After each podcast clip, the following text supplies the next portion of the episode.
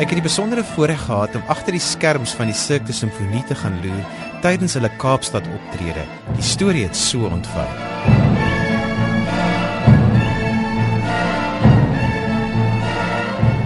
Johan, ons kan nie net meer orkes wees wat informele konserte op die verhoog speel in Beethoven en Brahms en en Mozart nie. Ons moet 'n bietjie uitreik na groter gehore. En hierdie is vir ons 'n wonderlike platform om mense wat nooit na 'n gewone simfonieorkes te kom luister nie, skielik in die teater te kry. Want hulle sien 'n bietjie van die van die uh, extravaganza van 'n sirkus en die beligting en ons uh, die program is lekker lig en maklik verteerbaar. So dis 'n manier om mense na die teater te lok uh en vir dit te heeltemal vermaak vir 2 uur en dan miskien 'n saadjie te plant en sê o ek dit was so wonderlik ek wil weer terugkom die, ek, ek kan nie glo dat ek al die jare die die orkes die die groot klank van 'n groot van die orkes gemis het nie. Nou Louis, die musiek is so bekend wat die um, orkes uitvoer. Maar ek het nou 'n bietjie tyd gehad om te gaan kyk saam met wat hulle die visuele is, bring dit heeltemal 'n ander dimensie amper aan die musiek. Ja, ek dink uh, dit word geadverteer as 'n driedimensionele musiekervaring en ek dink dit is nogal reg. Ballet gee so 'n bietjie vir jou, maar ballet is baie uh, het baie beperkings en ballet is baie spesifiek en die musiek is baie spesifiek vir ballet, maar nou is hier 'n hele klomp ander musiek, bekende uh nie te lig nie, maar lekker lekker maklik herkenbare musiek wat mense nou nuwe uh, toertjies op uitvoer en ek dink dit is baie lekker en mense sien skielik die audiovisuele en die en, en die musiek kan bymekaar kom. Ons leef in 'n nuwe tyd. Ons mense uh, sien en en hoor. Ons gaan nou na na rolprent teaters toe en daar is driedimensionele klank in in surround sound soos die Engelsman sê. So ek dink mense het daai groter ervaring nodig.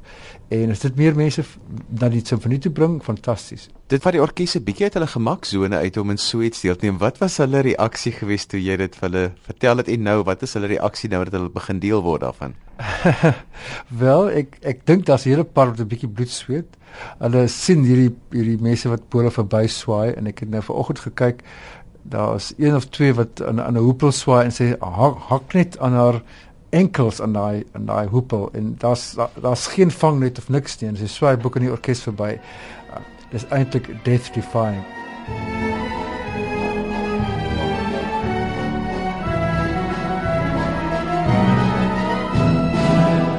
My name is Alexander Streltsov and co-owner of this company and also one of the technical directors and one of the primary aerialists in the show. So um, wear a lot of hats. Uh, about the show, well, first of all, we're very excited to be here. This is our first trip to South Africa and Cape Town.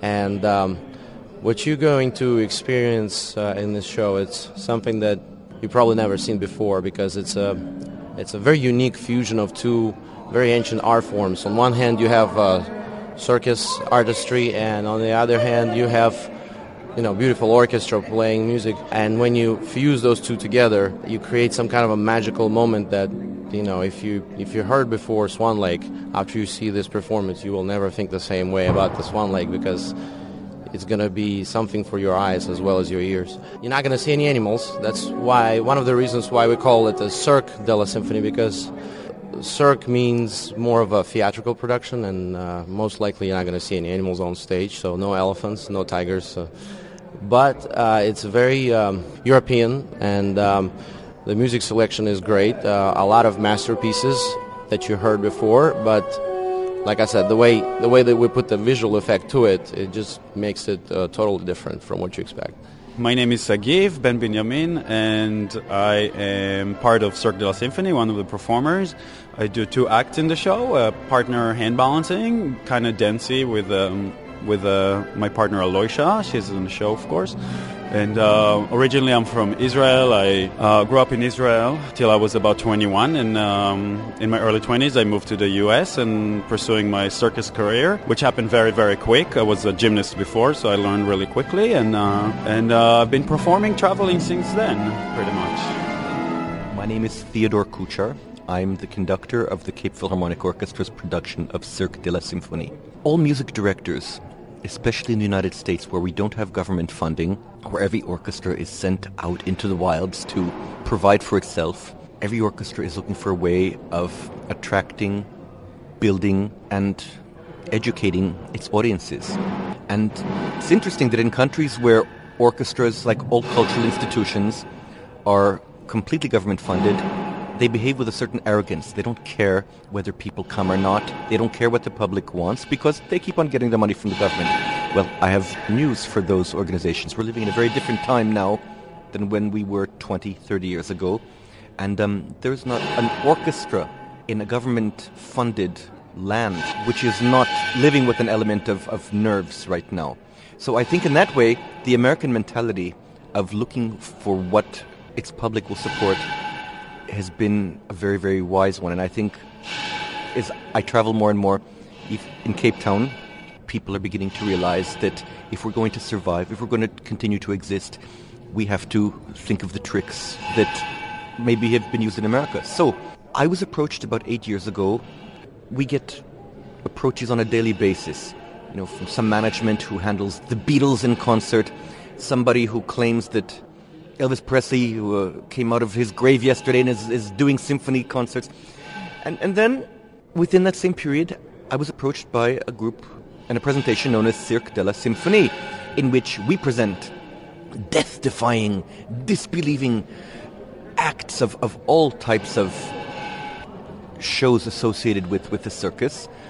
And um, that this is going to be one way to bring people to concerts who've never come, people who would never give symphony literature repertoire a chance, but when they know the circus is there, they're going to come for the visual aspect of it. Well, when I first heard that, I thought, you're not going to fool me. I wasn't born yesterday, and what the hell is this? A circus at a symphony concert? Never. So I ignored them. My arrogance, you see. And about one year later, I was approached by the same presenter who was taking the show around the country. But by that first year, the Houston Symphony had seen it, the Cleveland Orchestra had seen it, the New York Philharmonic had seen it, just as did Savannah, Georgia, and Colorado Springs, and you know a lot of s- small armpits within the United States. The fact is, everywhere it went, it was selling out houses, and not only did it sell out houses, they were immediately re-engaged the following year because these orchestras realized, aha, there is something to be made from all of this. I said, okay, let's give it a try. And filling the concert hall with people and making money on a show is one thing. But another aspect of it was that, my goodness, you look at the 10 different pieces of music we're playing, and it's all very substantial symphonic music. But most interestingly, it's not music that I, as a conductor, can program so easily. You know, when you're asked to come as a guest conductor, when you program a season for your own orchestra, you normally look at symphony, concerto, overture. If it's a big choral work, it's a big choral work. But when do you get a chance to program movements from the Bartered Bride, the saber dance from Khachaturian's Gayane, movements from the Firebird? It's all music that we grew up with as children. We heard on cartoons, we saw during breaks on TV commercials, background to 1960s reruns of, of highlights from football matches. All of this music is so well known, and we're not often aware where the hell do we know this from? We know this, we've heard it. So I was pleased on many levels. The fact that this music is so well known to the public. People have heard it in every possible situation except live in a symphony concert. But at the same time, the way each of these acts within the circus are so well choreographed to the actual music to see how the audience reacts. You know, people who are normally blinking their eyes every every second are sitting there in the front row with their mouths wide open and not blinking for five or six minutes at a time.